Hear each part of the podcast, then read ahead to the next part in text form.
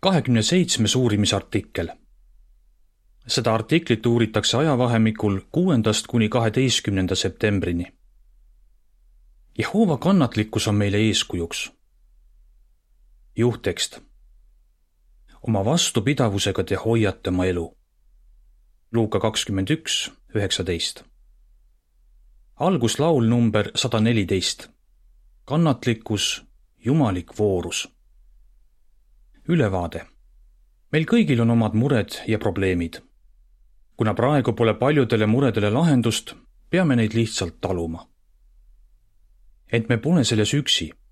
ka Jehova talub praegu paljusid asju. selles artiklis võtame vaatluse alla üheksa asja. vaatame ka seda, miks on hea, et Jehova on olnud kannatlik ja kuidas me saame teda eeskujuks võtta. lõigud üks ja kaks. küsimus kuidas julgustavad meid mitte alla andma Jehova sõnad tekstis Jesaja kuuskümmend viis, kuusteist, seitseteist.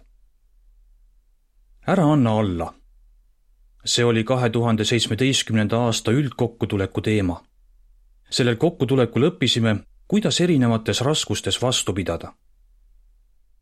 nüüd on sellest möödas juba neli aastat, aga meil tuleb ikka veel taluda lõpuaja probleeme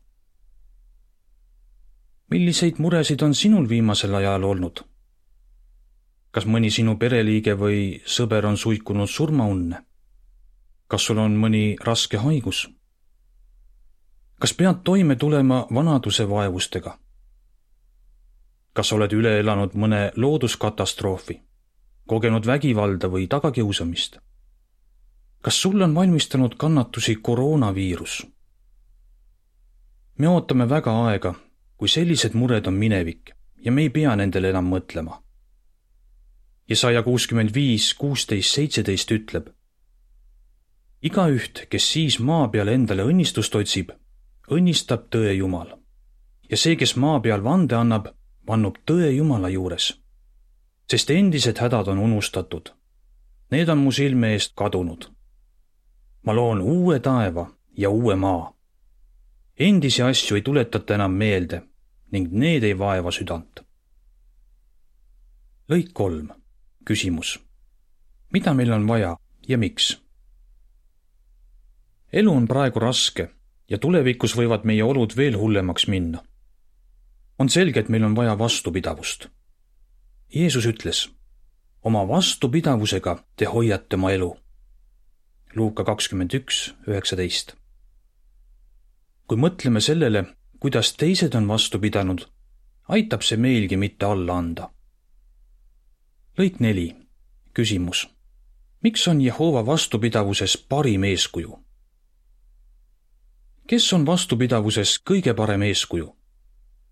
Jehova. kas see vastus üllatab sind? võib-olla, aga mõtle järgnevale. praegune maailm on saatana kontrolli all ja täis igasugu probleeme Jehoval on väge, et kõik raskused kohe kõrvaldada. aga ta teeb seda alles tulevikus. Jehova talub kannatlikult praegust olukorda, kuni määratud aeg kätte jõuab. vaatame nüüd üheksat asja, mida Jehova on otsustanud taluda. mida on Jehova otsustanud taluda? lõik viis. küsimus. kuidas on Jehova nime teotatud ja kuidas sina sellesse suhtud? Tema nime mustamine. Jehovale on tema nimi tähtis ja ta tahab, et kõik seda austaksid. samas on tema nime juba üle kuue tuhande aasta mustatud. see sai alguse Eedeni aias, kui kurat, kelle nimi tähendab laimaja, Jumalat süüdistas. ta andis mõista, et Jumal keelab Aadamale ja Eevale midagi head. sellest ajast peale on Jehovat süüdistatud, et ta jätab inimesed millestki vajalikust ilma Jeesus oli väga mures sellepärast, et tema isa nime teotati. seepärast ta õpetas oma järelkäijaid palvetama. meie isa, kes sa oled taevas, pühitsetud saagu sinu nimi. Matteuse kuus, üheksa. lõik kuus, küsimus. miks on Jehova andnud piisavalt aega, et lahendada ülemvõimu puudutav vaidlusküsimus? vastupanu tema ülemvõimule Jehoval on õigus valitseda nii taeva kui ka maa üle ja tema valitsemisviis on parim. saatan on aga püüdnud ingleid ja inimesi veenda, et Jumalal pole õigust valitseda. seda vaidlusküsimust ei saa lahendada üleöö. Jehova on oma tarkuses andnud piisavalt aega, et inimesed mõistaksid, et nad ei saa ilma loojata edukalt hakkama. kuna Jumal on olnud kannatlik, saab see vaidlusküsimus lõpliku lahenduse. peagi saab kõigile selgeks, et Jehova valitsemisviis on parim ja et vaid tema kuningriik suudab tuua tõelise rahu. lõik seitse, küsimus. kes on Jehova vastu mässanud ja mis neist saab? mäss Jehova vastu. Jehova lõi vaimulendid ja inimesed täiuslikeks. aga üks mässumeelne ingel, saatan, kelle nimi tähendab vastane, pööras täiuslikud inimesed Aadama ja Eeva Jehova vastu. selle mässuga liitusid ka teised inglid ja inimesed. kui Jehova valis endale rahvaks muistse Iisraeli, siis ka see pöördus temast ära ja hakkas ebajumalaid kummardama. Jehova tundis end õigustatult reedetuna siiski on ta olnud kannatlik ja oodanud õiget aega, et hävitada kõik mässajad. Peagi saavad tunda kergendust kõik need ustavad Jehova teenijad, kes peavad praeguses kurjas maailmas vastu pidama. lõigud kaheksa ja üheksa. küsimus. mis valesid Jehova kohta räägitakse ja kuidas saame meie aidata neid kummutada? saatana valed saatan süüdistas tublit jumalateenijat Hiiobit ja andis mõista, et kõik teenivad Jehovat omakasupüüdlikult. Saatan süüdistab jumalateenijaid ka tänapäeval. kui peame raskustes vastu ja teenime Jehovat armastusest, tõestame, et saatan on valetaja. siis Jehova õnnistab meid, nagu ta õnnistas ka Hiiobit.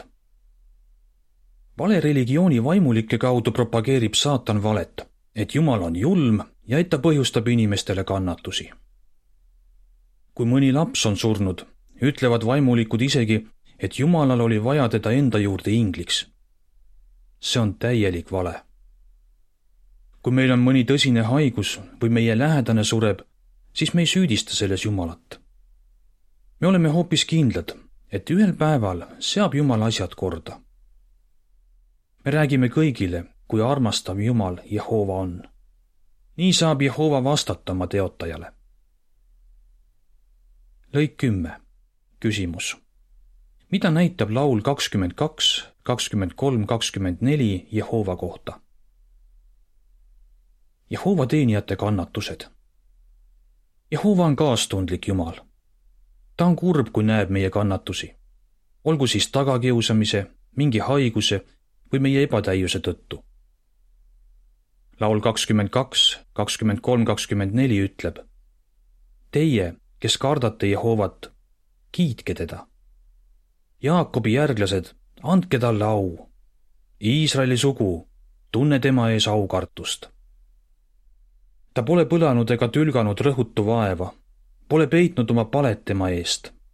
ta kuulis tema appi hüüdu. Jehova mõistab meie valu. ta tahab sellele lõpu teha ja ta kindlasti ka teeb seda. ta on öelnud oma teenijate kohta, et tuleb päev, mil ta pühib ära kõik pisarad nende silmist ja enam ei ole surma ega leinamist, hädakisa ega valu. ilmutus kakskümmend üks, neli. lõik üksteist, küsimus. mida tunneb Jehova oma teenijate suhtes, kes on surnud? Jehova sõprade surm mida tunneb Jehova oma ustavate teenijate suhtes, kes on surnud? ta igatseb neid taas näha. Jehova igatseb kindlasti näha oma sõpra Abrahami või Moosest, kellega ta rääkis näost näkku. ja ta tahab kuulda, kuidas Taavet ja teised laulukirjutajad laulavad tema kiituseks kauneid laule. kuigi need Jumala sõbrad on surnud, ei ole ta neid unustanud. Jehova mäletab nende kohta igat üksikasja nii et võib öelda, et nad kõik on tema silmis elavad.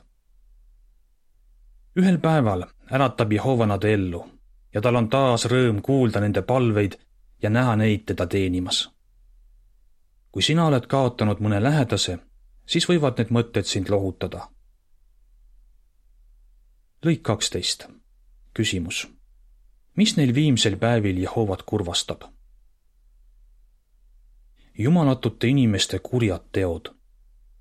Jehova teadis, et pärast Eedeni mässu lähevad olud hullemaks, enne kui need paremaks lähevad. Jumal vihkab kurjust, ebaõiglust ja vägivalda. ta hoolib eriti nõrkadest ja kaitsetutest, näiteks orbudest ja leskedest. Jehovat kurvastab see, kui tema ustavaid teenijaid halvasti koheldakse või vangistatakse. me võime olla kindlad, et Jehova armastab kõiki oma ustavaid teenijaid lõik kolmteist. küsimus. Millest ilmneb, et inimesed on moraalselt alla käinud ja mida Jehova ette võtab? inimeste moraalne allakäik. saatanale meeldib, kui inimene, kes on loodud Jumala sarnaseks, hakkab tegema halbu asju. noapäevil Jehova nägi, et inimese kurjus maa peal on suur. piibel ütleb, Jehoval oli kahju, et ta oli inimese maa peale teinud ja tema süda oli kurb. Esimene Moosese kuus, viis ja kuus. kas olukord on sellest ajast paremaks läinud? ei ole. võib arvata, et saatanale teeb rõõmu praegu vohav seksuaalne ebamoraalsus, sealhulgas seksuaalsuhted samasooliste inimeste vahel. eriti õnnelik on saatan siis, kui ränga patu teeb ustav jumalateenija peagi kõrvaldab Jehova kõik ebamoraalsed inimesed, kes keelduvad end muutmast. Lõik neliteist. küsimus. mida teevad inimesed Jehova loomistööga? Jehova loomistöö hävitamine. lisaks sellele, et inimesed rõhuvad üksteist, ei kanna nad hoolt maakera ja loomade eest. mõne teadlase arvates on inimtegevuse tagajärjel lähiaastatel väljasuremise ohus umbes miljon looma- ja taimeliiki. seepärast on mõistetav, et inimesed keskkonna pärast muretsevad. On väga lohutav, et Jehova on lubanud hävitada need, kes hävitavad maad ja muuta maa paradiisiks. mida me õpime Jehova kannatlikkusest? lõigud viisteist ja kuusteist. küsimus. mis aitab meil vastu pidada? too näide Jehova on pidanud tuhandeid aastaid nägema suuri probleeme. ta oleks võinud neile ükskõik millal lõpu teha. aga see on hea, et ta on olnud kannatlik. Mõtle järgnevale näitele. ühele abielupaarile öeldakse, et nende sündimata lapsel on tõsised terviseprobleemid. et tal ei saa olema kerge elu ja ta sureb noorena. kui laps sünnib, ootavad vanemaid ees raskused aga nad on siiski lapse üle õnnelikud. kuna nad armastavad last, on nad valmis taluma raskusi ja hoolitsema tema eest parimal viisil. Samuti on ebatäiuslikud kõik Aadama ja Eeva järeltulijad. aga Jehova armastab neid ja hoolib nendest. erinevalt haige lapse vanematest on Jehoval võimalik oma laste kannatused lõpetada. Jehova on seadnud aja mil ta lõpetab kõik hädad, mis inimkonda vaevavad. tema armastus ajendab ka meid vastu pidama nii kaua kui tarvis. järgneb lisa. Mida on Jehova talunud? tema nime mustamine. vastupanu tema ülemvõimule. mäss tema vastu. saatana valed. tema teenijate kannatused. tema sõprade surm jumalatute inimeste kurjad teod, inimeste moraalne allakäik, tema loomistöö hävitamine.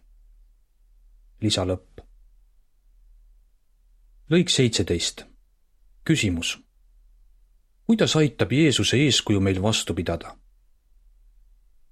Jehova on vastupidavuses parim eeskuju. Jeesus toimis oma isa eeskuju järgi. inimesena talus ta kannatlikult vaenulikke sõnu ja häbi ning pidas vastu piinapostil. tekstis heebrealastele kaksteist, kaks ja kolm öeldakse. hoides pilku meie usu teerajajal ja täiustajal Jeesusel. Ta pidas piinapostil vastu eesootava rõõmu pärast ega hoolinud häbist ning on istunud Jumala troonist paremale. mõelge siis tõsiselt tema peale, kel tuli taluda patuste vaenulikke sõnu, mida need iseendi kahjuks ütlesid, et ei väsiks ega annaks alla. Jehova eeskuju andis Jeesusele kindlasti jõudu, et vastu pidada. see annab jõudu ka meile. lõik kaheksateist. küsimus. Kuidas aitab teine Peetruse kolm üheksa meil mõista, mis on võimalik tänu Jehova kannatlikkusele? teine Peetruse kolm üheksa ütleb. Jehova ei viivita oma tõotuse täitmisega, nagu mõned arvavad, vaid ta on teiega kannatlik, kuna ta ei taha, et keegi hukkuks vaid soovib, et kõik oma patte kahetseksid. Jehova teab, millal on parim aeg praegusele maailmale lõpp teha. tänu Jehova kannatlikkusele on miljonitel inimestel olnud võimalik hakata teda teenima. Nad on rõõmsad, et Jehova on andnud piisavalt aega, et nad on saanud sündida, teda tundma õppida ja hakata teda teenima. kui miljonid inimesed peavad lõpuni vastu, on see kinnituseks sellele, et Jehova tegi õige otsuse olla kannatlik. lõik üheksateist. küsimus. mida meil tuleks teha ja mis on meie tasu? Jehova peab vastu rõõmuga.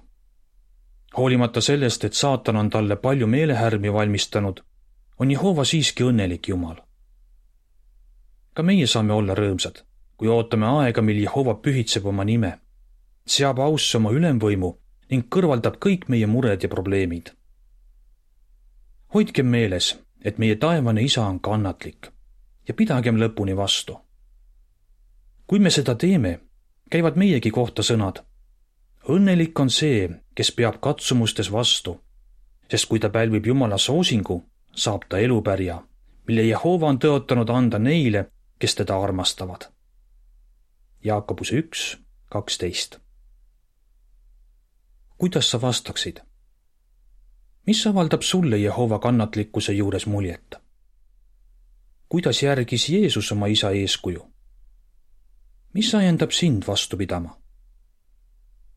lõpulaul number sada kolmkümmend üheksa. näe end vaimus uues maailmas. artikli lõpp